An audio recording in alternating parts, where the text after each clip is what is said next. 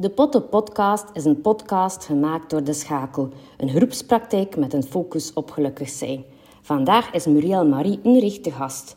Muriel Marie is een carrière- en businesscoach, schrijfster, keynote-spreekster en heeft sinds kort ook een eigen podcast. Ze heeft een verleden als onderneemster en heeft ervaring in salesmarketing en projectmanagement. Daarnaast zijn haar interesses onuitputtelijk, of toch wel niet. Maar eerst, wie is Muriel Marie nu echt?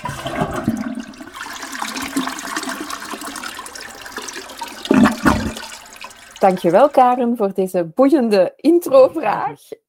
Um, ja, ik, um, ik denk vooral dat ik iemand ben die veel nadenkt. Ik denk met de jaren ben ik beginnen beseffen dat dat iets is dat ik uh, niet echt kan uitzetten.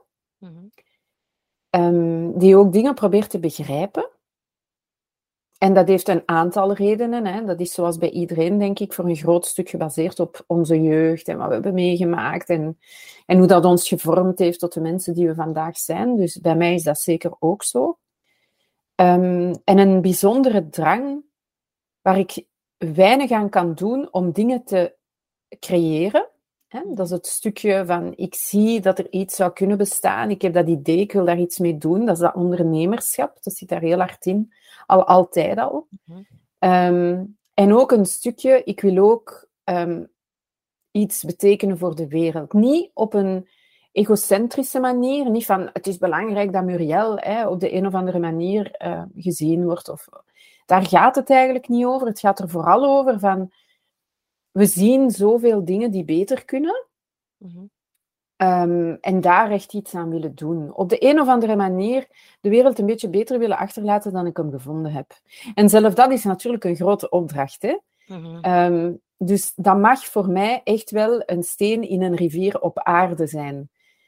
Vroeger was dat niet zo. Vroeger had ik wereldgrote dromen en wou ik van alles en nog wat doen. En eh, het moest altijd groter en beter zijn. Maar met de jaren ben ik er eigenlijk achter gekomen dat dat klein echt ook een groot verschil kan maken.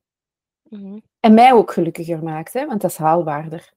Ja, het is dat, want eh, hoe, hoe hoger je doel of hoe groter je doel, hoe meer druk dat er ook bij komt kijken om het te realiseren. Uh, want als je een plan hebt, wil je het ook uitgevoerd zien. En dat maakt het soms ook lastig. Ja, exact. Ik denk dat dat een van de dingen is die ik de laatste jaren echt uh, ontdekt heb. Um, ik heb vriendinnen die mij heel vaak zeggen van, maar hoe doe jij dat toch allemaal? Hè? Omdat, ja, ik schrijf nu ondertussen ook wel boeken en ik, ik heb een drukke coachingpraktijk en ik ben nu met, met sociaal geëngageerde projecten bezig. Hè? Dus ja, dat is wel veel, maar dan zeg ik altijd, ja, maar ik heb geen kinderen. Maar het, en dat is voor een groot stuk waar, hè? zeker als ja. vrouw je ziet, dat, zit daar veel, veel waarheid in. Maar ik denk dat het ook wel iets anders is. Het is ook wel echt een drang of, of een, een, een wil om heel veel van mijn tijd daarin te steken. Maar als ik daar echt naar kijk, en zeker de laatste jaren met de ideeën die ik heb, laat ik nu soms een idee gaan, gewoon omwille van de grootheid ervan. Ja. Toen ik jonger was, had ik zoiets van, ma, dat lukt wel en we doen dat. En ja, en ik heb nog veel enthousiasme, maar niet meer zoals toen ik twintig was. En um, en toen lukte dat, maar dat was wel voor een, voor een stuk ten koste van mezelf. Ja. En nu voel ik echt intuïtief van, oef, daar gaan we niet naartoe, want dat, is, dat, dat, daar kunnen we niet mee. Dat kan ik niet meer, dat is te veel. Mm-hmm. Ja, ideeënfontein is wat getemperd eh, naar uh, de haalbaarheid. Ja, een klein beetje. Ja. Klein beetje. Soms vind ik het ook wel heel erg dat ik dan een aantal zaken moet laten liggen, maar dan denk ik, och, iemand anders pikt dat wel op. het komt wel goed. Maar um, en dat is zoals uh, Elizabeth Gilbert zegt in haar boek Big Magic. Hè? Die spreekt in, in dat boek op een bepaald moment over hoe dat idee, hoe dat zij zo'n beeld heeft, dat ideeën rondzwerven. En dat ja, ze zoeken eigenlijk een, een soort van ja, een persoon of een plek om te landen, om dan iets te worden. Um, maar dat is een beetje onafhankelijk van de persoon. En dat is wel zo, hè, want hoe vaak, zeker als ondernemer, heb je niet een idee en dan een paar maand later of een paar jaar later is er iemand die dat eigenlijk doet. Mm-hmm. dus ik berust ook wel in, in de gedachte van, goh, er zijn echt heel veel ideeën en er zijn heel veel dingen die je kan doen. Er is geen haast. Oh, je, ja. je hebt, er komt wel een nieuw idee of er, er komt wel iets anders op je pad. Ja, the right time, uh, op the right uh, place. Het, het zal wel matchen en uitgevoerd worden als het meant to be is. Zo. Ja, ja. En jezelf ook gewoon die tijd gunnen. Hè? Niet meteen op alles springen. Ik heb gemerkt, en dat is ook weer iets dat je denk ik beseft als je wat ouder wordt, dat je niet alles meteen hoeft te doen. En als je jezelf wat tijd geeft, en tijd is dan, wordt dan ruimte, hè? er is dan een ruimte dat ontstaat. Binnen die ruimte gebeurt er ook van alles. Is zoiets, um, iets, iets heel gek. Dus ik ben zeer ondernemend van karakter. Dus dat wil ook zeggen, als er in een groep... En ik ben heel probleemoplossend gericht. Dus als er in een groep, zelf in een groep van vrienden, iemand een probleem oppert, dan was ik vroeger de eerste om mijn hand op te steken en te zeggen, zal ik dat wel doen? Zal ik dat wel fixen? Um, met de achterliggende gedachte van, ja, het moet gebeuren en, en wie weet gebeurt het dan niet. Mm. Maar eigenlijk, als je dat wat tijd geeft, dan besef je dat iemand anders zijn hand wel opsteekt. Of dat dat probleem zichzelf wel oplost. En in ons eigen leven is dat ook vaak zo. Als we heel gespannen elk ding dat gebeurt meteen willen aanpakken en daar meteen iets willen mee doen. Wat ik begrijp, hè, want we hadden het daar straks over controle. Ja. Dat is eigenlijk die poging om, om een situatie te controleren en je wilt eigenlijk meteen naar de uitkomst. Je wilt meteen weten hoe het zit en, en dan kan je terug slapen, zo gezegd. Als je erin slaagt om in die lastige tussenruimte te blijven zitten, dan lossen heel veel problemen zichzelf op. Nee, nee, dat is waar. En dat is soms wat dat we te, weinig nog uh, onszelf uh, gunnen, hè, die tijd. Ja, absoluut. In, helemaal niet, denk ik zelf. Ik heb het gevoel, hè, want we, we zitten ook in zo'n supersnelle maatschappij, waar hè, met sociale media helpt niet natuurlijk, waar dat iedereen een mening heeft, waar, dat iedereen, waar dat er elke dag nieuwe dingen moeten bestaan. Hè. Um, ik voel die druk zelf natuurlijk. Hè. Ik heb ook een online business, ben ook sociaal, uh, op sociale media actief. En ik voel ook wel die druk van altijd nieuw, nieuw, nieuw en anders, anders. Um, maar eigenlijk, als wij gewoon eens even achteruit gaan leunen en gewoon even wachten, dan gebeuren er echt wel fantastische dingen. En de wereld vergaat ook niet. Dat is nog zoiets. Hè? Denken dat je, als je een stapje terug zou nemen van die drukte en van en zeker is dat ik ook in mijn werk doe, want ik, ik begeleid natuurlijk heel veel mensen naar een andere carrière, naar het, het starten van whatever, een business of zo. Um, maar die zitten ook in die een elan van snel, snel, nu, nu, nu. En eigenlijk, als die een stap terugzetten en even nadenken over wat wil ik nu echt, dan bouw je betere fundamenten. Mm -hmm. En welke mensen komen er dan allemaal bij, bij, jullie, bij jou langs? Um, Met welke vragen bijvoorbeeld? Um, heel vaak is het omdat ze vastzitten. Vastzitten is, is denk ik fundamenteel waar mensen voor naar mij komen. En ze zitten vast met alle verschillende ideeën of de dingen die ze zouden kunnen doen. Dus het zijn ook al mensen die redelijk creatief en ondernemend zijn. Daar zitten ook creatieve generalisten tussen, want dat is dan, een, laat ons zeggen, nog een, een, een gefilterde versie van die creatieve ondernemers. Maar eigenlijk ben ik er ondertussen van overtuigd dat bijna alle creatievelingen en mensen die ondernemend zijn van karakter, dat die echt ook met heel veel ideeën in hun hoofd zitten, waardoor dat ze soms het noorden kwijtgeraken. En die komen dus bij mij met de vraag van, ja, ik raak er niet uit. Ik raak er niet uit, ik wil iets anders doen, ben niet meer blij waar ik zit. Uh, ik heb een project dat al tien jaar in mij leeft, ik wil daar iets mee doen. Of uh, ja, op mijn werk uh, ben ik echt zo um, ondergewaardeerd. Mijn capaciteiten, mijn, mijn krachten, mijn interesses worden niet, uh, niet gebruikt. Hè. Eh, het gevoel dat ze eigenlijk er niet toe doen is heel sterk, denk ik. Zeker in onze maatschappij vandaag, voor heel veel creatieve mensen toch. Mm um, en ze willen eigenlijk een groter stuk van alles wat ze zijn kunnen gebruiken voor iets dat betekenisvol kan zijn voor henzelf en voor de maatschappij als geheel. Hè. Dat zijn, die twee facetten mhm. zitten daar altijd bij. Um, en dan gaan we op zoek vandaar vertragen, vandaar ruimte geven aan wat er zich wilt aandienen. Vandaar ook die ideeën bekijken in plaats van ze weg te denken. Want ik denk, hè, we spreken, hè, controle denk ik is misschien een topic, maar um, heel veel creatieve ondernemers willen natuurlijk ook wel weten waar ze gaan landen en wat ze gaan doen. En zou het niet fantastisch zijn, Karen, dat we wanneer dat we met iets nieuws beginnen, alles al weten hoe het gaat zijn. En, en hè, en hoe we het moeten doen. Zeker in business. Zeker als we spreken over het bouwen van een onderneming of van hè, een freelance carrière uit te bouwen. Of noem maar op. Zou het niet geweldig zijn dat we het allemaal al wisten. ja, met die vraag komen ze. En we kunnen natuurlijk een tipje van die sluier oplichten. En we kunnen wel een aantal zaken gaan bepalen. Maar dan moeten we ook bepaalde stappen zetten. Dus het niet overdenken, het niet wegdenken, het niet kapot denken totdat we weer niks ondernemen.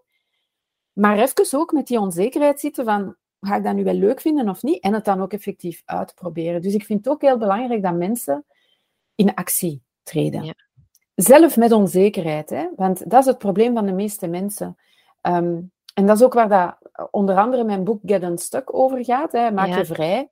Dat gaat over, um, je kunt uiteindelijk niet wachten tot je het weet. Je moet echt iets proberen om te weten of je het al dan niet leuk vindt. Mhm, mhm. En dat helpt u dan vooruit. Dus ja. Nee, maar ik deel, die mening enorm. Inderdaad, we wachten soms op al heel veel zekerheden, die controle die je waarover praat. Maar, het feit is dat, dat het niet kan en dat je eigenlijk beter al gaandeweg, al doende, bijleert van zit ik op het juiste spoor of niet. Maar dat maakt het ja, niet gemakkelijk, denk ik, inderdaad, voor veel mensen om juist heel veel zekerheden en onzekere tijden ook los te laten van ik zal eens een keer iets proberen of ik zal mijn idee um, wat ruimte geven. Ja, er zijn ook wel dan contexten die zeggen van, zou je dat wel doen? En je zit daar zo goed. En, en dan beginnen ze opnieuw vast te zitten, denk ik, door uh, in hun hoofd te gaan. Ja, absoluut. absoluut. En, en het is super moeilijk. Hè? Um, zeker als je in eh, een soort van gouden kooi zit, hè? of, of hè, wat, ze, wat ze dan zo noemen, in een, in een vorm van zekerheid. Al vind ik dat dat eigenlijk wel illusie is. Hè? Want als je kijkt wat, wat de giganten vandaag, bijvoorbeeld de techgiganten, een Google, een Twitter, een, een Facebook aan het doen zijn, die zijn massaal nu mensen aan het ontslaan. Terwijl dat, dat toch in onze maatschappij, zeker voor jongere mensen, zo de bedrijven zijn waar het goed is om te bestaan en, en een job te hebben. Daar is ook geen jobzekerheid meer. En het kan eigenlijk wel heel snel gaan. De enige jobzekerheid die je echt hebt, denk ik, dat is uh, jezelf. Mhm. Dat is alles wat je jezelf aanleert. Dat zijn um, de, de talenten die je ontwikkelt voor jezelf. Dat zijn de interesses die je blijft uh, onderzoeken. Want dat zijn dingen die je altijd ten dienste kunt stellen van jezelf en van een werknemer, als dat je pad is, of van een eigen onderneming of een eigen project. Natuurlijk uh, willen mama en papa dat vaak niet. Hè? Of wil mhm. de partner dat vaak niet. Of wilt want we leven natuurlijk ook in een maatschappij die ons niet alleen bedrukt met je moet hard werken en, en, en het is belangrijk dat je, dat je centen hebt en zekerheid, maar ook een maatschappij die ons bedrukt met ehm, ja, je, je moet een beetje in de pas lopen. Hè? Je, moet, je moet kiezen, je moet een aantal zaken hebben en, en die zaken bereik je het gemakkelijkste als je niet te veel tegen de stroom in gaat zwemmen. Maar ik, ik vind altijd, hè, ik, zeg, ik zeg dat heel vaak tegen klanten, want klanten hebben heel vaak of zijn heel vaak bang dat ze geen centjes gaan verdienen, hè, dat, ze, dat ze geen klanten gaan vinden of dat ze het financieel niet gaan, gaan bolwerken. En ik zeg altijd tegen hen, ik zeg, er is genoeg geld in de wereld. Dat is ook zo. Het gaat erom dat je, jij jezelf genoeg leert kennen om te weten op welke manier dat jij op een zinvolle manier, waarbij je gelukkig gaat zijn en waarbij dat je voldaan zal kunnen zijn, centen kan verdienen. Dat mhm. zijn twee totaal verschillende dingen. Want er zijn, hè, we komen uit de industriële revolutie. Hè, we zitten ondertussen wel veel verder. Maar ja, de, de naweeën daarvan zien er nog altijd door en zijn nog altijd aanwezig in de manier waarop wij vandaag werken. In, in de 9 tot 5, in de hè, 38 uren week, in de schoolvakanties. Al die dingen zijn eigenlijk archaïsche overblijfselen van, van een oude wereld die niet echt meer bestaat. Maar we leven nog volgens die regels. Dus die regels hebben ja, onbewust ook een invloed op ons. Dus het is heel moeilijk om daar buiten te treden. Maar eigenlijk mogen wij ons werk wel een beetje invullen zoals wij dat willen. Nee, nee, ik vind dat mooi dat je dat zegt, want ik durf dat ook tegen veel cliënten zeggen van, enerzijds, als we een evaluatiegesprek hebben, ik zeg, dat is eigenlijk de ideale manier om ook een keer stil te staan van, ben ik nog altijd tevreden op mijn werk? Maar vaak is het van, ze denken van, de werkgever mag ons beoordelen, maar ik zeg, de tegenbeweging is ook van, beoordeel eens misschien je werkgever van, ben ik hier nog altijd tevreden, maar dat is nog niet de automatische stroming ook om, om daar inderdaad dan te zien van, ik moet vooral werk uh, doen die mij verrijkt en, en waar ik gelukkig van word en dat ik nog kritisch daar ook wel zijn en, en als het vastloopt, daar ook wel andere wegen in slaan. Ja, ja, dat is zo juist, Karen. En, en dat vraagt wel moed, hè. Want heel de wereld is tegen u op dat moment. Want heel de wereld zegt, ja, maar dit zijn de regels en dit is de manier waarop we het doen. Maar we mogen niet vergeten dat regels opgesteld zijn door mensen. Hè? Zoals, zoals jij en ik. Mensen die niet slimmer waren dan ons. Mensen die gewoon dachten op dat moment dat dat de juiste manier was. En alles is altijd in evolutie. En ik denk dat die beweging, en je hoort daar wel stilletjes aan iets meer over, van jij mag ook eisen hebben. Jij mag ook dingen in vraag stellen bij uw werkgever. Jij moogt, hè, het gaat recht om dat wij toch, wij zijn toch de mensen die het werk moeten doen. En als wij de mensen zijn die het werk moeten doen, moeten wij toch ook gelukkig zijn terwijl dat wij dat werk aan het doen zijn. Ik heb wel het gevoel dat er een beweging op komst is hoor. En dat zeker jongere mensen dat, dat niet meer zo aanvaarden zoals wij dat hebben aanvaard. Hè. Zoals, want ik was echt... Allez, ik, heb, ik heb nu altijd zaken gehad. Ik ben nooit in loondienst gaan werken, maar ik heb wel lang geconsult ook aan en af. En dan zit je natuurlijk ook in die werkomgevingen waarin dat er hiërarchie is en waarin dat je moet luisteren naar wat andere mensen nu vertellen. Zeker toen ik voor de Europese, Commissie uh, project management deed. Ehm, ja, daar kon ik natuurlijk mijn rebelse natuur niet echt de vrije loop laten. En moest ik toch met alle gevolgen van dien. Ik kan mezelf in die omgevingen wel staande houden, maar beperkt in tijd. Omdat als ik het gevoel heb dat mijn, mijn creatieve vleugels geknipt worden, komt er echt een moment dat ik zeg van, of dat mijn stem niet gehoord wordt, van ik, ik moet hiermee stoppen, ik kan dit niet, dit niet verder doen. Niet tegenstaande het feit, daarmee zeg ik niet dat het daar slecht was, alleen dat het niet ideaal was voor mijn voor de manier waarop ik uh, functioneer. Maar inderdaad, en, en dus jongeren, denk ik, doen dat veel meer. Alleen denk ik daar dat de slinger soms ook een beetje overslaat naar de andere kant. Hè? En, en dat is, denk ik, bij verandering altijd zo. Dat zijn scharniermomenten. Mhm. En wij zitten echt, en ik denk dat COVID dat voor een stuk versneld heeft, maar dat de beweging er al was, dat heb ik gezien in mijn praktijken, want ik doe dit al bijna tien jaar ondertussen. Ik hoorde tien jaar geleden mensen ook al zeggen dat ze burn-outs hadden, ongelukkig waren, ondergewaardeerd waren en dat ze verandering wilden. Ik denk wel dat COVID dat versneld heeft. Ehm, al, al ben ik ook wel verwonderd dat ondertussen veel stemmen opgaan om mensen terug naar kantoor te trekken. Mhm. Iets dat ik enfin, persoonlijk niet begrijp, maar oké, dat is dan een andere zaak. Ehm, maar dat, er, dat nu een kwestie is van ergens in het midden te landen. Mhm. Allee, ik ga van mijn zeepdoos. Ja, ja, ja. Nee, nee, nee. Wat is waar is echt. En het is goed dat in, dat in evolutie wordt. Ik denk dat dat vooral belangrijk is, dat er wordt over nagedacht. En daarom vond ik het ook heel belangrijk, zoals hij daarnet ook al kort aanhaalde, de creatieve generalist. Ik denk dat het belangrijk is dat, dat er daar wat meer aandacht aan geschonken wordt. Uh, maar misschien voor de luisteraars, uh, wil je er iets meer over vertellen wat dat, dat juist is? Want mijn man was er heel voor geboeid en ik denk dat dat hem ook een beetje rust heeft gegeven ergens in zijn hoofd. Van, oh, ja, oh, echt waar, dat het een naam had. Zo van, ja. oef, hij had een podcast beluisterd en... en hij had daarom ook mij geadviseerd en zegt, praat een keer of vraag een keer dat ze komt. En dacht van, ik heb ook oh, geluisterd. Maar ik dacht van, we gaan maken dat het inderdaad nog wat meer doorgegeven wordt. Want het, het, het, was een kind een naam geven, denk ik, voor sommigen. Ja, ja dus um, ik krijg heel veel berichtjes van mensen die mij zeggen, oh, hoe bevrijdend eindelijk weet ik wat ik heb. Hè? Wat eigenlijk betekent dat er helemaal niks mis is mij. Dus ze hebben niks.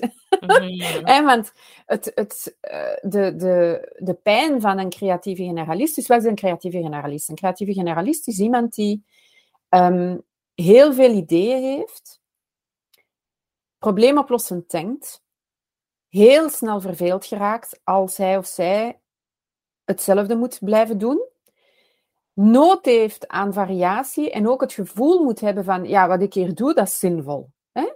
Zet een creatieve generalist niet ergens aan het einde van een, een band of zo om, om een pakje te vullen, ik zeg maar wat, um, de persoon in kwestie gaat wegkwijnen. Hè? Want die moet problemen kunnen oplossen, die moet creatief kunnen nadenken enzovoort.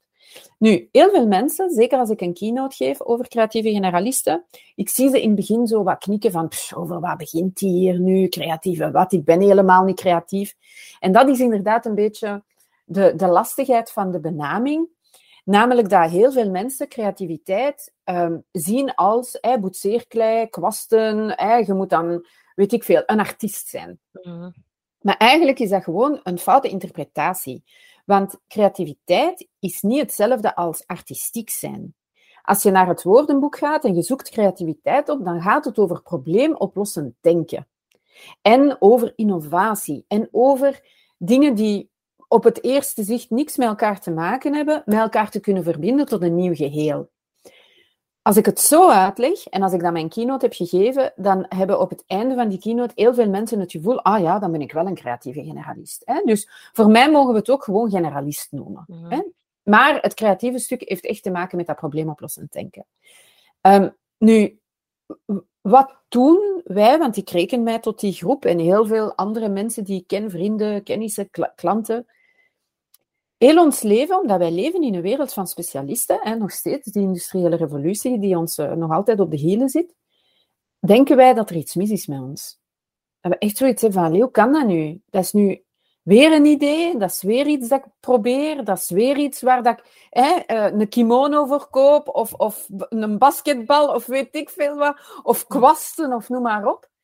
En ik doe dat nu een paar weken en ik ben weer beu. Ik heb er weer geen zin meer in. Ik wil weer iets anders doen. Er is dat nieuw idee dat zich aandient. Of mensen zeggen dat ik moet kiezen, maar ja, ik ga daar kapot van van binnen, want ja, ik kan niet kiezen. Ik vind alles leuk. Hoe, hoe kun je mij dan nu vragen van één pad in te slaan en mij dat beeld te geven dat ik dat dan 20, 30, 40 jaar moet doen, terwijl dat al die andere dingen hier hè, aan de zijkant zitten te roepen om aandacht. Dus dat is een beetje wat ik heb proberen doen met het boek, dat is mensen het gevoel te geven van ja, maar wacht eens even, stop maar. Hè. Stop maar met te proberen te zijn wie dat je niet bent. Stop maar met te kiezen. Stop maar met te denken dat dat ooit gaat lukken. Dat je niet meer verveeld gaat geraken als je iets niet probeert. Dat is gewoon dat je bent. En de bevrijding vind ik, en die heb ik natuurlijk eerst bij mezelf ervaren, is eens dat je weet hoe dat je ineen zit, kan je echt beginnen nadenken, hoe kan ik hier een superkracht van maken? Hoe kan ik ervoor zorgen dat ik een carrière of een job of een business heb, waarin ik rekening houd met variatie, waarin ik rekening houd met het feit dat ik heel vaak nieuwe ideeën heb, waarin, hè? En dat is absoluut mogelijk. En dat is eigenlijk wat ik probeer te doen voor mijn klanten. Samen met echt nadenken van, niet zozeer wat is er op de arbeidsmarkt beschikbaar, hè, of welke leuke jobtitels zijn er voor freelancers of, of ondernemers, maar wat zou een carrière kunnen zijn dat helemaal door jou bijeengepuzzeld is? Een portfolio-carrière noemen we dat dan. Maar dat ervoor zou kunnen zorgen dat je, dat je die lang en met plezier kan blijven volhouden. Mm Mooi. Dank u. En dan denk ik wel van ja, als er nu heel veel mensen zijn die nu zo ja, die, die ah, oef krijgen, denk je dan niet dat er ook nog een taak is um, in onze kindertijd om daar al mee aan de slag te gaan? Dat we daar ook al kunnen inzetten voor het te wat normaliseren? Ja, ja dat is zo'n goede vraag, Karen, want daar begint het eigenlijk. Hè? Wij beginnen met, uh, wij gaan naar school. Onze ouders die willen natuurlijk alleen maar het beste voor ons, maar die hebben ook het idee dat we moeten kiezen, dat we iets moeten doen. Um, en er zijn eigenlijk twee kanten aan die medaille. Um, of we worden verplicht om onze creativiteit aan de deur te laten, echt iets te kiezen en we moeten dan echt dat pad gaan volgen. Dus onze vleugels worden totaal geknipt. En dan wordt het zaak in ons volwassen leven. En dat is de reden, denk ik, waarom dat er heel wat mensen zo tussen hun 30 en hun 40, want dat is zo wat, hè, er zijn uitschieters hè, tot 45 en vanaf 25, maar dat is zo'n beetje de leeftijd van de mensen die ik zie, omdat ze het een tijdje geprobeerd hebben en beseffen van, ja, maar hier scheelt iets, dat lukt mij niet, ik kan niet in dat beperkt kader uh, blijven werken en passen. Dus dat is, dat is het eerste en dat is inderdaad vooral school, unif, hogeschool, de druk van de ouders van, je moet toch een job hebben en je moet dus echt dat pad te gaan uh, aflopen. Uh, maar het andere probleem is ook um, dat soms de creativiteit wordt gezien als een bron van potentiële carrières. Wat bedoel ik daarmee? Het is niet omdat, want een creatieve generalist heeft ook um, een ongelooflijke drang naar kennis en naar dingen begrijpen. Dus wij kunnen eigenlijk al de dingen die wij niet weten, buiten misschien kwantumfysica, uh, en dan nog, ik ken creatieve generalisten die daar ook wel heel wat van weten, Uh, maar kunnen wij ons eigen maken? Wij kunnen echt zo goed als elk onderwerp wel onder de knie krijgen tot een bepaald niveau. Hè? Het, het generalistenniveau, niet het specialistenniveau. Want zo diep zakken we niet. Maar wel voldoende om, zeker in de maatschappij van vandaag, heel wat verschillende talenten te hebben en dingen te kunnen gebruiken. Te, te kunnen hebben die we kunnen gebruiken. Maar dat is ook problematisch. Want dan heb je ouders bijvoorbeeld, het, het kind is, uh, is goed in tekenen en de ouders zien meteen een carrière als grafisch designer. Of um, een jonge volwassene is heel goed in uh, online media en, en in, in websites bouwen. En ineens denken de ouders, voilà, de carrière is uitgestippeld. En ze duwen de creatieve generalist in een bepaalde richting. Maar het is niet omdat je iets kan, dat je het ook moet doen. Ik denk dat dat zeker voor creatieve generalisten een heel belangrijke is. En ik geef vaak het voorbeeld van de spreadsheet, hè, van, van de Excel-sheet. Um, dus dit is niet tegen mensen die van Excel-sheets of spreadsheets houden. Ik vind die mensen fantastisch, want ze helpen mij heel vaak. Ik, ben, ik hoor niet tot die groep, al moet ik heel vaak spreadsheets maken. Um, maar ik ben daar dus heel goed in. En het probleem daarvan is dat heel veel mensen mij doorheen mijn leven gezegd hebben van... Oh, amai, je bent toch zo analytisch en zou jij niet een beetje meer dit of een beetje meer dat doen? Dingen die dus in de richting gaan van dat soort werk. En dat is helemaal niks voor mij. Als ik daar echt mijn werk van zou maken, ik zou wegkwijnen van verdriet. Mhm. Maar het nadeel is, we kunnen heel veel heel snel leren. Dus vanuit de buitenwereld naar binnen gekeken lijkt het alsof het toch een logische zaak zou zijn dat we daar dan een, een carrière of een stuk van onze job van zouden maken. En wat kunnen we dus al meegeven ook als, al naar de ouders toe of naar iedereen van als je dat opmerkt, wat kan, we, kan, welke advies of tips zou er dan beter zijn? Um, ik denk twee dingen. Ten eerste, um, kinderen echt wel dingen laten ontdekken. En ook misschien iets meer um, geduld hebben wanneer ze zeggen van ik vind dat niet meer leuk. Hè? Zowel nog een beetje meer pushen, want ja, kinderen natuurlijk zullen ook wel heel snel van... Uh, van interesses wisselen. Dus ze wel een beetje blijven stimuleren om een aantal zaken wat langer vol te houden. Hè, want er is wel ergens een punt waarop dat je pas weet of dat het echt is of niet, als ze geen interesse hebben.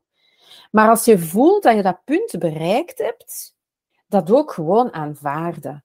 En het kind op dat moment uh, of, of de persoon zelf. Want ja, soms, soms gaat dat ook. Het is niet alleen kinderen, hè. het is ook mensen in je omgeving of zo. Die, die kunnen we ook bedrukken met... Allee, je gaat er weer van gedacht veranderen of zij er weer iets anders aan doen. Misschien maar meer geduld hebben met het feit dat sommige mensen variatie nodig hebben, maar dus zeker bij kinderen ook. Maar daar een goed midden in zoeken. En niet te snel, maar ook niet te lang. En dan ook proberen uh, te achterhalen wat in alles wat, wat de kinderen doen, Ehm, en stoppen met te doen welke stukjes ze leuk vonden. Want het gaat veel meer over uh, een stukje plezier vinden in dingen. Hè? Mm. En een stukje onder de knie krijgen. En een stukje. En, en dat stukje meepakken en daar dan iets van maken. Mm-hmm. Snap je? Dus stel dat je. Uh, ik ben heel slecht in, in voorbeelden, Kaar, maar ik ga toch mijn best doen. Stel dat je um, een kind hebt dat bijvoorbeeld zegt van ik wil tekenen. Oké, die tekent dan. En dan is die dat tekenen beu. Maar dan wil die bijvoorbeeld um, iets anders heel creatief beginnen maken. Hè? Potten beginnen bakken of zo. Al weet ik niet wat kinderen dat nu per se willen doen. Hè? Dat is meer keramiek, dat is meer iets voor volwassenen. Maar dus echt wel elke keer zo een soort van creatieve bezigheid dat, dat wel gelijkenissen vertoont. Dan zou je kunnen concluderen dat het eigenlijk over het stukje creatieve flow gaat. Misschien vindt het kind het leuk van zich te verliezen in. Hè? Misschien vindt het kind het leuk van nieuwe werelden te creëren. Misschien vindt het... En dat kun je vertalen naar heel veel verschillende dingen. Maar dat is een talent of dat is een uniekheid voor dat kind dat blijft. Mhm. En als je dat eruit kan halen en dat mee kan helpen behouden in de andere dingen, dan ga je eigenlijk je kind um, ja, een, een troef meegeven voor de toekomst. Mhm, mhm. Want in mijn, in mijn praktijk zie ik dat heel vaak. Hè. Mensen gaan terug naar de essentie. Een van de dingen die we samen doen, dat is echt kijken wat vond je leuk om te doen als kind en waarom. Mhm. Wat was daar leuk in? En, en die stukjes willen ze eigenlijk heel vaak ook in wat dat ze als volwassenen doen. Ja, eigenlijk zou het net eens zijn dat iedereen dat eens mag doen, hè, denk ik. Een keer tijd en ruimte mogen maken om daar een keer goed over na te denken of een keer stil te mogen bijstaan. Absoluut. En we doen dat veel te weinig. Mhm. En dat is ook het stukje, het mag plezant zijn. We mogen het leven ook vieren. Hè? We mogen ook, het gaat niet alleen over werken, werken, werken. En, en ja, dat is net wat zo plezant is aan, aan creativiteit. Dat is, je kan werelden creëren die nog niet bestaan. Je kan spelen, echt. Hè? En kinderen doen dat uit, uit hun natuur. Dat is, dat is normaal voor hen om dat te doen. En op een bepaalde leeftijd ja, zien we dat verdwijnen. Maar de vraag is waarom?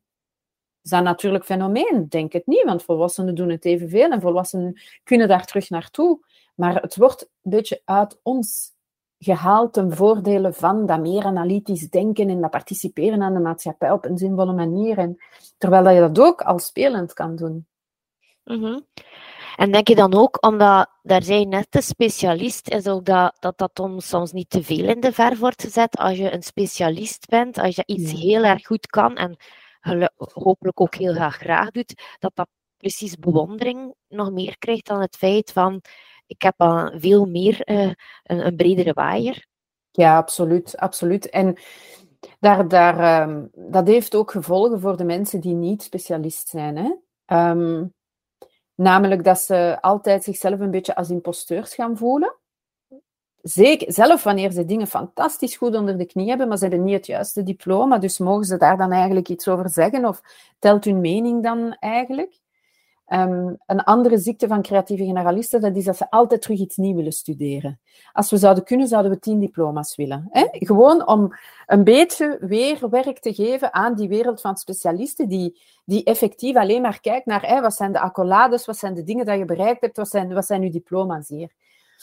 Um, terwijl dat een, um, een generalist echt ook specialist is, maar in het generalist zijn. Mm En ik denk dat het heel belangrijk is van dat meer en meer in de verf te gaan zetten. En het is moeilijk, hè, want je hebt gelijk. Hè? We leven in een wereld van specialisten. En in de wereld van specialisten is diegene die nog altijd het meeste weet over een heel klein onderwerpje. Hè, uh, krijgt meer aanzien dan de persoon die een heel waaier aan dingen kan en, en weet. Alleen kan innovatie alleen bestaan wanneer dat je net die brede waaier hebt. Want nieuwe dingen maken, daarvoor moet je weten wat er al bestaat en moet je een heel ruim spectrum hebben aan uh, kennis over die dingen. En dat hoeft dan niet per se heel zwaar in de diepte te gaan, maar dat moet echt wel in de breedte kunnen gaan. Um, en als we ons daarvan kunnen overtuigen, dat we dus toch ook betekenisvol kunnen zijn in de maatschappij. En de maatschappij verandert ook, hè, want meer en meer bedrijven zoeken ook generalisten. Dat staat trouwens ondertussen ook in de jobbeschrijvingen heel vaak. Hè. Uh, waar ik altijd super blij om ben. Ik zie ook heel veel van mijn klanten die creatieve generalist in hun LinkedIn-profiel toevoegen. Of, dus elke keer ben ik blij, omdat ik zoiets heb van oké, praat daarover. Hè. Uh, het is oké van niet gespecialiseerd te zijn in één ding en van nog zoiets. Het is voor, voor generalisten zo moeilijk wanneer iemand hen vraagt van wat doe jij eigenlijk? Hè? Wat doe jij van?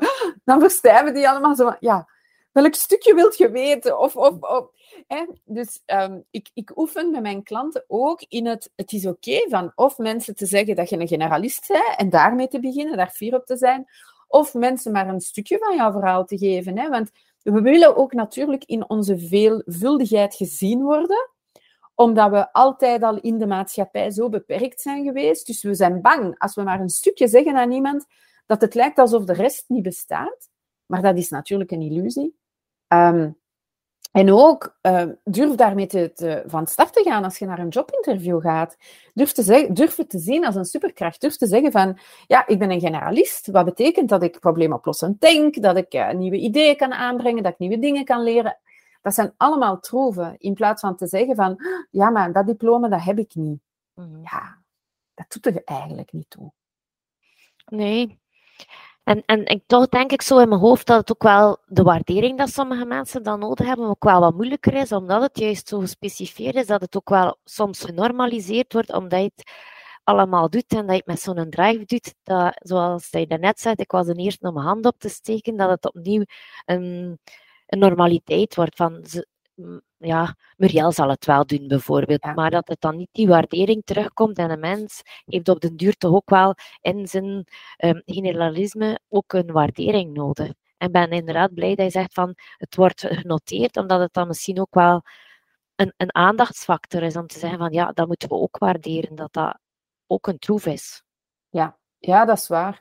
Ja, en natuurlijk, hè, dat is zo. Maar dat heeft dan ook voor een stuk met persoonlijkheid te maken. Hè. Sommige mensen hebben meer schouderklopjes nodig, anderen niet.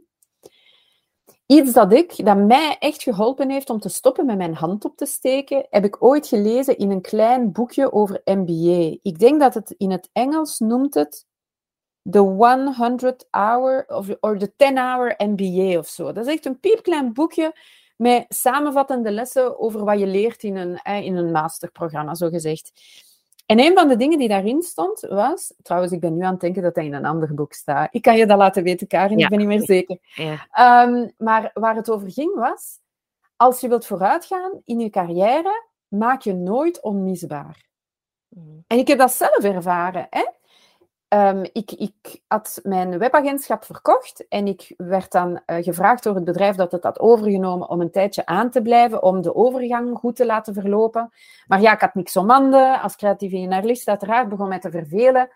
Um, dus vroegen ze mij toen of ik uh, projectmanagement wou doen voor de Europese Commissie en, en voor andere projecten. Dus ik deed dat.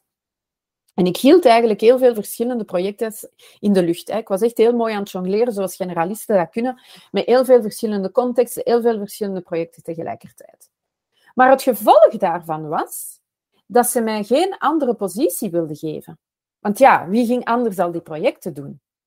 Mhm. Dus eigenlijk had mijn natuur zich tegen mij gekeerd. En had mijn, mijn handopsteking ervoor gezorgd dat hoewel ik ongelooflijk bekwaam was in wat ik deed, want ik kreeg ook fantastische reviews en, en alles was fantastisch, maar ik raakte wel niet meer verder. Hè? Mhm. Nu, pas op, het was een consultancy job, dus ik ging daar toch niet super lang blijven.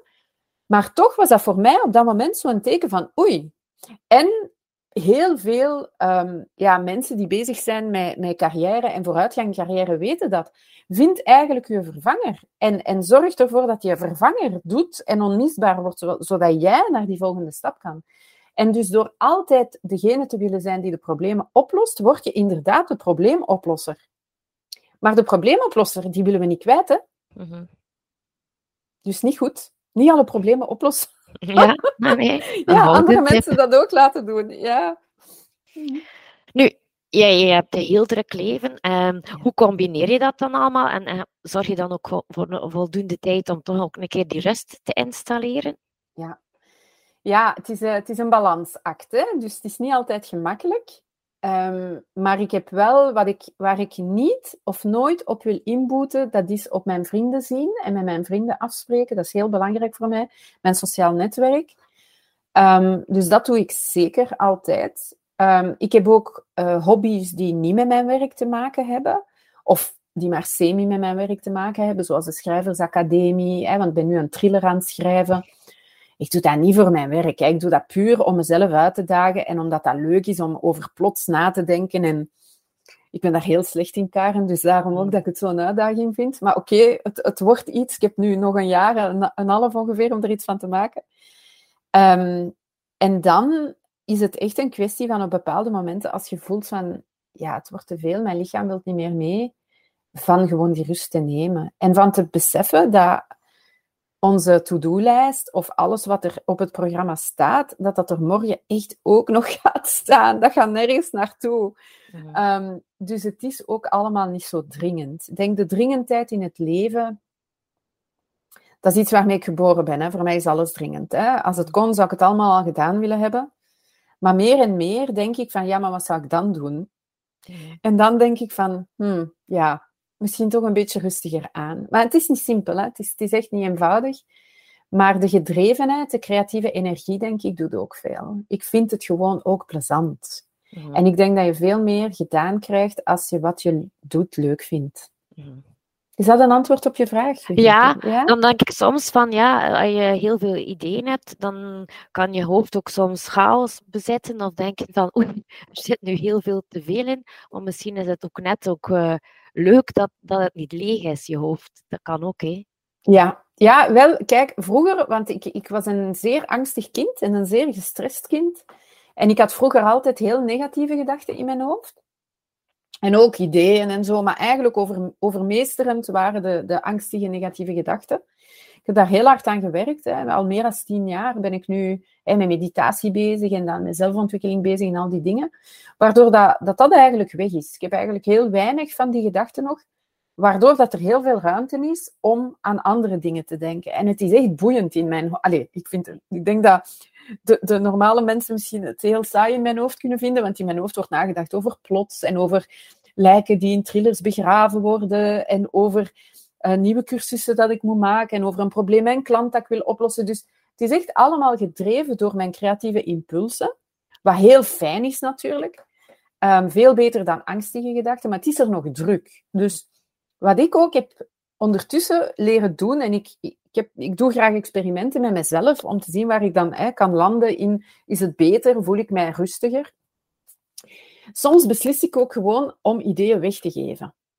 Ja. Want als je een idee hebt over iets en je blijft daarover nadenken van, ah, dat zou wel een goed project kunnen zijn. Oh, dat zou wel, ja, ik, dat bestaat nog niet, dat, dat, dat. Ja, dan, dan neemt dat meer en meer ruimte in je hoofd, terwijl je al die andere dingen al hebt. Maar wat heb ik gemerkt? Als ik dat vertel aan iemand die ook ondernemend is, en ik zeg daar dan bij, oh, misschien moet jij daar iets mee doen, mm. dan is dat weg. Ja. En dan heb ik zo mijn stukje, en dat is weer hè, wat Elizabeth Gilbert in, de, in Big Magic zegt, dan is dat idee eigenlijk mooi verpakt. Ik heb daar een strikje rond gedaan, ik heb dat aan iemand anders gegeven. Daarmee zeg ik niet dat dat een goed idee is of een slecht idee. Ik maak geen waardeoordeel, alleen dan kan ik het wel loslaten. Mm en dat creëert dan rust en ruimte. Ja, voor wat en er is. tijdelijk, hè, tot het volgende idee zich aandient. Ja. maar heel even, ja, geeft mij dat rust. En ook het gevoel dat er dan toch iets mee gedaan is, al is het klein. Ze uitschrijven op papier helpt mij eigenlijk ook altijd. Omdat ik dan weet van, ik mag ze vergeten, want ze zijn er. Weet mhm. je? En dat is een trucje dat ik echt geleerd heb van de schrijfles. Zo, ik heb een boekje nu, het ligt nu niet hier, het ligt beneden, maar ik heb een boekje bij mij waar dat ik al mijn ideeën inschrijf. Omdat, en dat is heel gek, hè, want je denkt, zeker iemand die zoals ik heel veel in haar hoofd houdt, want die onthoudt heel veel, van ik ga dat niet vergeten. En toch, als ik door dat boekje blader, dan denk ik, amai, dat wist ik niet meer, en dat wist ik niet meer, en dat wist ik niet meer. Dus het helpt wel om ze uit je hoofd te krijgen. Mhm, mhm, mhm, ja, want ik denk inderdaad, al die ideeën onthouden zou misschien de creativiteit ook, ook doden, omdat je, je je focus moet leggen aan het onthouden. Oh, dat is juist, ja. Ja, dat is inderdaad een juiste gedachte, denk ik. Ja, absoluut. Dus uitschrijven die boel. Ja, dan kan het nog in, in, actie omgezet worden wanneer de tijd rijp is. Ja, of again, hè, opnieuw, als je dan want ik, ik heb ook altijd zo een running to-do-lijst, maar ook zo een, een braindump-achtig iets op mijn computer. En zo om de paar maand kijk ik daar eens naar. En dan besef ik van, ah, een aantal dingen heb ik gedaan, die kunnen van de lijst. En een aantal dingen, daar denk ik dan van, waarom moet ik dat weer doen? En dan kunnen die ook van de lijst. Ja. Ja, dus dat helpt zeker. Dus als ik daar net hoor, dus ben je nu vooral gefocust op je thriller schrijven? Of niet volledig? Uh, ja, ik ben ook met, met online cursussen bezig. Dus schrijven is een groot stuk van mijn, uh, van mijn ja, leven eigenlijk op dit moment. Um, de thrillers schrijf ik. Ik heb nog een aantal andere boekprojecten waar ik mee bezig ben. Get Unstuck is af. Dat zit nu bij de eh, editeur, dus dat wordt nagelezen. Dus dat is nog een heel avontuur. Um, maar inderdaad, die thriller, dat is echt... Um, ja, dat is, dat is next level, hè? Ja, ja, ja. Dat is zo, want er is een groot verschil al tussen fictie en non-fictie. Ja? Non-fictie is, is al redelijk complex om te schrijven, want het is een lange oefening. Hè. Je, wilt, je wilt geen rapport schrijven, maar je wilt een boek schrijven. Je moet daarover nadenken, je moet nadenken over je lezer, dus het moet onderhoudend zijn. Dus dat is op zich al een complex gegeven. Maar een uh, fictieboek, daar creëer je echt werelden mee. En eigenlijk wat ik geleerd heb door schrijfles te volgen en nu in de academie te zitten, dat is echt van, je lezer is je niks verschuldigd. Hè? Mhm. Eigenlijk begin je al met een schuld, jij, naar de lezer toe, want die heeft jouw boek gekocht. Dus die heeft in jou geïnvesteerd, die wil jou een kans geven. Dus dat betekent dat als hij die pagina's omslaat en leest, dat je die ook iets terug moet geven. Mhm. En dat is voor mij ongelooflijk ontluisterend geweest. Want vroeger dacht ik, oh ja, ik heb een verhaal in mijn hoofd, ik schrijf dat verhaal neer en dat zal wel goed zijn. Ja, heel naïef natuurlijk. En ondernemend, hè? want ik denk dat als de ondernemers niet naïef zouden zijn in het begin, dat ze waarschijnlijk heel vaak dingen niet zouden doen. Mhm. Bij mij is dat zeker waar. Ehm, en wat ik nu geleerd heb, eh, en ik ben daar keer op keer op keer door ehm, onze begeleiders op eh, gewezen van het moet beter, het moet beter, het moet beter, het moet beter. Elke zin in een roman moet zinvol zijn, moet een reden hebben. Je moet een punt willen maken. Je moet ook... Het gaat niet over u als schrijver, het gaat over de lezer. Dus welke wereld wil ik creëren voor je lezer? Hoe ga je dat doen? En bij een thriller komt daar dan nog de factor bij van hoe maak je het spannend? Mhm. zonder in clichés te vervallen. Dus dat is een hele oefening, maar dat is net zo leuk. Hè? Als ik al die andere dingen heb gedaan, dan kan ik even in die wereld kruipen en die wereld zelf vorm beginnen geven. En ik begin dat echt heel leuk te vinden. Mhm.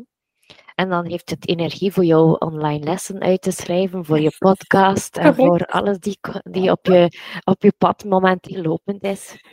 Correct. En wat ook heel boeiend is, ja, je moet karakters neerzetten. Hè? Ehm, dus mijn drang om, om de mens beter te leren kennen, mezelf beter te leren kennen, wordt daar ook doorgevoed. Want je moet je echt vragen stellen zoals, allee, wat zou die nu denken? Wat zou die nu doen? Hoe zou die dat nu zeggen? En dat mag niet zijn hoe jij dat zou doen. Dat moet echt een universele manier zijn, bijna een archetypische manier. Want iedereen moet het uiteraard kunnen begrijpen. Dus dat is niet eenvoudig, maar ja, het, is echt, het, geeft superveel voldoening. Ja, en het is denk ik ook het troef dat je heel graag met mensen werkt en dat je graag eh, de blinde vlekken van mensen wil leren kennen en daarin hen wil helpen en begeleiden. Wat dan nu de, ja, een extra, denk ik, troef is bij je, eh, bij je thriller. Ja. Ja, ja, dat is juist wat je zegt. Ik had er eigenlijk zo niet over nagedacht, maar inderdaad, want ehm, het gaat er ook over trauma. Hè? Dus ik ik wil eigenlijk... Een, nu, mijn, eh, mijn begeleider, die gespecialiseerd is in thrillers, zei ooit tegen mij toen ik met het idee kwam van... Ik had het gevonden, hè. ik had zoiets... "Oh, en er gaat een lijk zijn, en ik ga dat doen, en ik ga dat doen. En ik was zo enthousiast. En ik vertel hem dat via mail, en hij stuurt mij een mailtje terug, en hij zegt... Ja, ja, ja, er zit wel iets in, maar ja, we mogen niet vergeten dat, dat elke thriller eigenlijk over trauma gaat. Hè. Dus- de ontnuchtering zit in alle lagen van dit proces. Maar niet tegenstaande dat feit, zei hij ook van ja, het is een goed idee en, en werk het verder uit. Ehm, en dus inderdaad, het is echt nadenken over, ehm, zeker omwille van de, de, de, de traumafactor, en ik wil het hebben over generatietrauma dan nog eens. Dus er moeten heel wat blinde vlekken in zitten bij mijn personages. Want ze moeten inderdaad heel wat dingen doen, bijna op automatische piloot, zonder echt te beseffen wat eronder speelt. Hè? En dat lijk heeft daar dan natuurlijk mee te maken. Ehm, en, en dat is iets dat ik zeker door mijn eigen ontwikkeling ehm, heb geleerd en dat ik ook inderdaad in mijn praktijk zie, hè? waar dat mensen dan op struikelen uit, uit in hun eigen leven. En het is gek dat we zo vaak... Sorry dat ik je onderbreek. Het is gek dat we zo vaak dingen niet zien. Hè, dat, we, dat we handelingen doen en dat we bepaalde gedragingen hebben en bepaalde gedachten. En dat daar echt een drijvende factor achter zit, een lijk dan, hè, in mijn Mhm. geval, waar wij absoluut geen weet van hebben. Terwijl, terwijl het echt gewoon voor ons staat, hè, maar we zien het niet. En dat vind ik heel boeiend. Ja, eigenlijk kijk ik al uit om je verhaal te lezen, maar ik, heb nog even, ik kan nog even geduld moeten oefenen. Ja, eh, ja, een jaar en een half, sorry Karen. Nee, nee. Maar ik heb geduld, ik heb geduld, gelukkig wel. Ja. Maar nee, maar het is ja, inderdaad dat traumastuk. Ik denk dat veel mensen niet beseffen dat we allemaal wel een getraumatiseerde stukken hebben. En de ene is geneigd om erbij stil te staan en te kijken wat dat betekent. En de andere zijn er bang van, denk ik. Of willen het of kunnen het nog niet zien. Ja. Ehm, Ja, dat is zo. En ik heb dat gemerkt in mijn eigen leven. Ik had hè, bepaalde trauma's waar ik mij niet van bewust was. En die eigenlijk een invloed hadden op heel mijn bestaan. En dat is ook wat we, wat we vergeten. Hè. Dat, is, dat zijn ja, crash states, hè, zo noemt mijn therapeut dat dan. Dat zijn plekken waar dat we echt vastzitten. En vaak vastzitten in een kindertijd of in een vorm van onszelf dat veel jonger is dan de volwassen persoon die we vandaag zijn. Maar dat wel onbewust heel veel van onze gedragingen en van wat we geloven, denken, willen, doen, beïnvloedt. En ik heb zo, eh, ik noem het dan mijn oertrauma. Ik heb dan mijn oertrauma echt opgelost een paar jaar geleden. Dat heeft heel mijn leven veranderd, maar alles veranderd. En het was een trauma waar ik zelf niet van wist dat ik het had. Mhm. En ik was bij mijn therapeut en ik sprak over iets anders en ik zei gewoon één zinnetje. En daarvoor ben ik Glen, hè, zo heet hij dan, dag Glen, als je luistert, uh, uh, enorm dankbaar, want die ging op het puntje van zijn stoel zitten en die zei, ja, maar wacht eens even, gaat eens terug. Wat bedoel je daarmee? En dat is echt het begin geweest van een ontrafeling mhm. die ervoor gezorgd heeft dat ik vandaag een totaal ander persoon ben dan toen en dat ik vandaag vrij ben en nu kan zien hoe, hoe vast ik toen zat. Mhm. En dat is een beetje wat ik ook wil meegeven met mijn thriller. Mhm. ik, wil, ik wil daar ook een soort van ontrafeling in. Dat ik wil mensen meenemen op zo'n soort van avontuur van oké, dus het lijk is dan symbool voor het trauma. Als dat uit de grond komt, dus als je ineens dat zinnetje hebt en je pakt dat vast en je begint na te denken van waarom heb ik dat eigenlijk gezegd en wat zit daarachter, dat daar soms echt een, een, een enorme wereld achter steekt. Mm Waar dat je geen benul van hebt in hoeverre dat u dat ongelukkig maakt, klein houdt, op je plek houdt. En, en dat je daar echt ook iets aan kan doen. Hè? Mhm. Nee, ik vind dat heel mooi dat je dat zegt en deelt, want ik denk dat daar ja, heel veel mensen wat meer ja, tijd zouden moeten, willen, kunnen voor vrijmaken en dan inderdaad veel bevrijdender in het leven zouden kunnen staan. Ja, maar het is zo ja. Dus het is, ik vind dat, je, allee, dat we heel veel compassie moeten hebben met onszelf en ook met anderen. En want eens dat je, daar, je daarin wat verdiept, dan begin je dan natuurlijk dan begin je patronen te zien hè, in de gedragingen van anderen en noem maar op. Maar zoals met alles, het is al zo moeilijk om het bij jezelf te zien. Laat staan dat je iemand anders daar, die, die het niet ziet, daarbij zou kunnen helpen. Hè. Mhm. Mensen moeten tot, eigenlijk tot hun eigen breekpunten komen. Dat is een stukje van wat ik vertel in, in mijn, mijn Engels boek Get Unstuck. Je moet heel vaak voor verandering tot een breekpunt komen. En wat ik probeer duidelijk te maken in het boek, dat is dat je ook zelf de touwtjes in handen kunt nemen voor verandering en niet per se tot een breekpunt moet komen. Maar da, daar is een bereidwilligheid voor nodig. Want ja, wat, wat, zorgt er heel vaak voor dat we willen veranderen? Dat is als het niet meer leuk is. Hè? Mhm, mhm. Maar ja, dan is het vaak al te laat.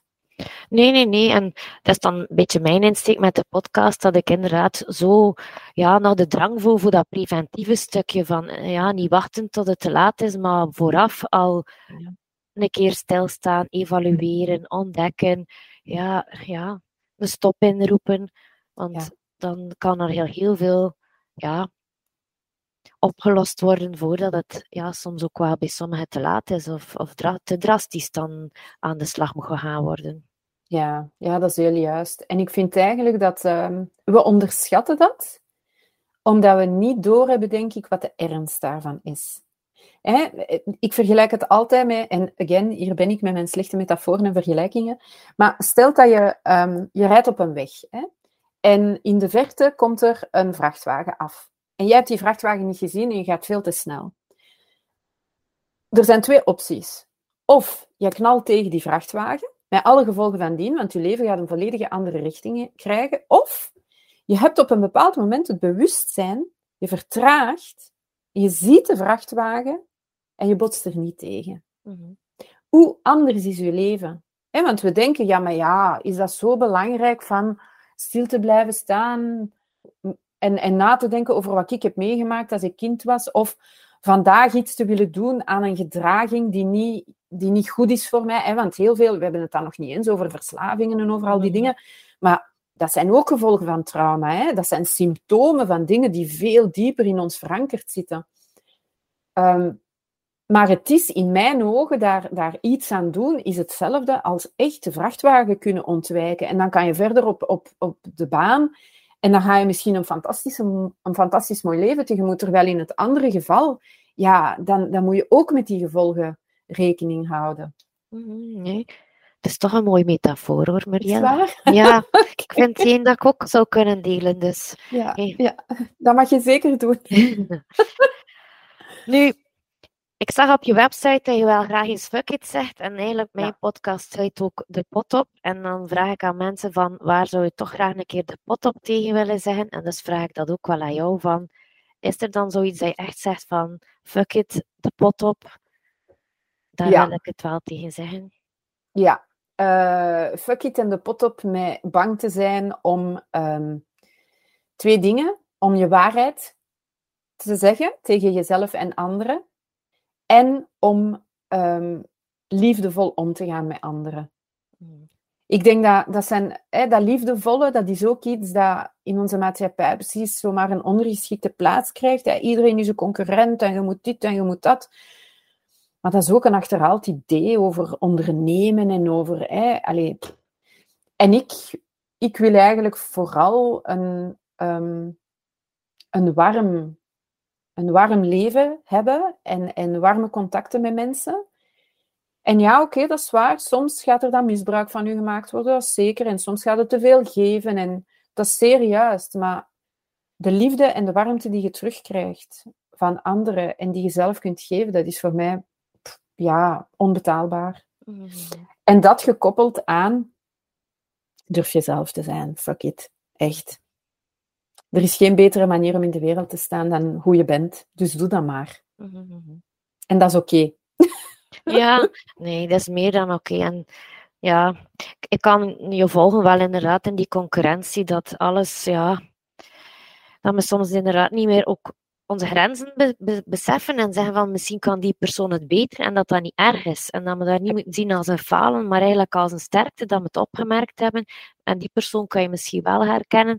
En ik ben goed voor de mensen die, die, die een match hebben met mij. En oké, en er gaan altijd wel mensen zijn waar dat er geen match mee is, maar dat, dat is hoe dat het is.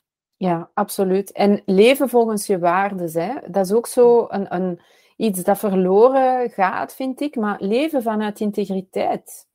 Dat is, dat is echt oké, hè? Van gewoon een goed mens te willen zijn. Daar is niks mis mee. Mm. En, maar het idee van succes, dat we de laatste ja, decennia meegekregen hebben, hè, dat is zo hard zijn en zo de beste zijn en het meeste verdienen en noem maar op en, de, en het meest gezien worden. En die... Maar daar heb ik toch nog nooit geluk gevonden, hoor. Mm dus, maar ik vind wel geluk wanneer dat een vriendin mij belt en mij in tranen een van haar diepste geheimen durft te vertellen, omdat ze weet dat ik dat nooit aan iemand anders ga vertellen, omdat ze weet dat ik haar niet ga beoordelen en omdat ze weet dat, weet dat ik van haar hou en dat ik er ben voor haar. Mhm. Dat is pas geluk. Dan is mijn dag geslaagd. Nee, nee dat, dat vind ik ook. Ja. Daar herken ik mijn stukje wel van mezelf in. Dus ja. Oh, dat is mhm. mooi. Mhm. Leuk. Mijn praktijk heet de schakel en ik probeer de gasten met elkaar te verbinden door een vraag te stellen. En mijn vorige gast formuleerde een vraag voor jou en dat was: Als je kon toveren, wat zou je doen? Als ik kon toveren, wat zou ik doen? Oeh. Ja, de wereldvrede natuurlijk. Basically, uh, de planeet redden. Hoeveel wensen heb ik? Want dat is een vraag die ik altijd aan mijn mama vroeg. Hè. Ik zeg, want ze zei met de genie zo in de fles. Ik zeg, hoeveel, hoeveel wensen heb ik, mama? zeg even voor mij drie. Hoeveel krijg ik er van jou, Karen? God, van mij eigenlijk oneindig. Oneindig? Als je kan toveren, dan moet je blijven toveren, toch? Het zou jammer zijn dat je plots je superkracht in de kast zet en zegt van, ik heb genoeg getoverd. Wel, ik vind dat een hele boeiende dat je, dat je zegt. Want wat zou ik doen? Ik zou alle mensen, dus ik zou niet gewoon wereldvrede geven. Ik zou alle mensen van de wereld um, goede waarden geven en integriteit. En dan zou ik mijn toverkrachten doorgeven. Ah, ja. ja, want wie ben ik om te weten wat anderen nodig hebben eigenlijk? Hè? Ik kan alleen maar de basis leggen en, dan, uh, en het dan doorgeven. Maar ik zou, wel, ik zou dan wel nog altijd zo één wens voor mezelf houden. Als mensen iets wensen dat ik niet wil, dan kan ik dat ontwensen. Ja. Zoiets. Even controle houden. Damn. Ah, you caught me there. aard van het beestje, nee. Ja. Maar inderdaad, aan mij, nu voel ik me zo naakt. Ja, inderdaad. Puur controle, correct. Maar ja, wel met goede bedoelingen. Ja, het is dat. Maar Het is- toch het is- nog altijd controle, inderdaad. Maar het is u vergeven, hè. je mag toveren, dus eh, alles is oké. Dank u wel. En als afsluiter mag jij dus een nieuwe vraag voor mijn volgende eh, gast formuleren en zo maken we de ketting. Ja. Ehm, mijn vraag is dan: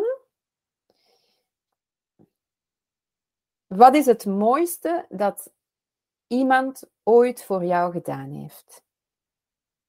Oké, mooie vraag. Dan stel ik ze al sinds zeer eh, verder en dan eh, ben ik al benieuwd naar het antwoord. Ja, ik ook. Nu, ik vond het heel boeiend om met je te praten. Ik heb het gevoel dat ik nog uren met jou kon praten en dat we niet uitgepraat raken. Maar eh, soms moeten we ook stoppen, want anders kan- raken we niet aan nieuwe ideeën. Maar ik vond het heel, heel, heel waardevol en ben heel blij dat, me, dat je in gesprek met mij wou komen. Dank u Ik wel. ook, Karen. Dank je wel voor de uitnodiging. En zoals je zegt, ik zou kunnen blijven babbelen. Ik vond het echt super fijn.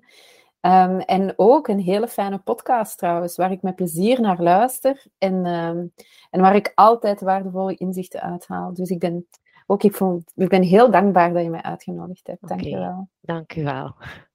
Dit was de Pot op Podcast van De Schakel. Bedankt om te luisteren. Heb je een idee of wil je zelf eens op de pot? Geef een seintje. En oh ja, vergeet zeker niet te abonneren. Tot de volgende schakel!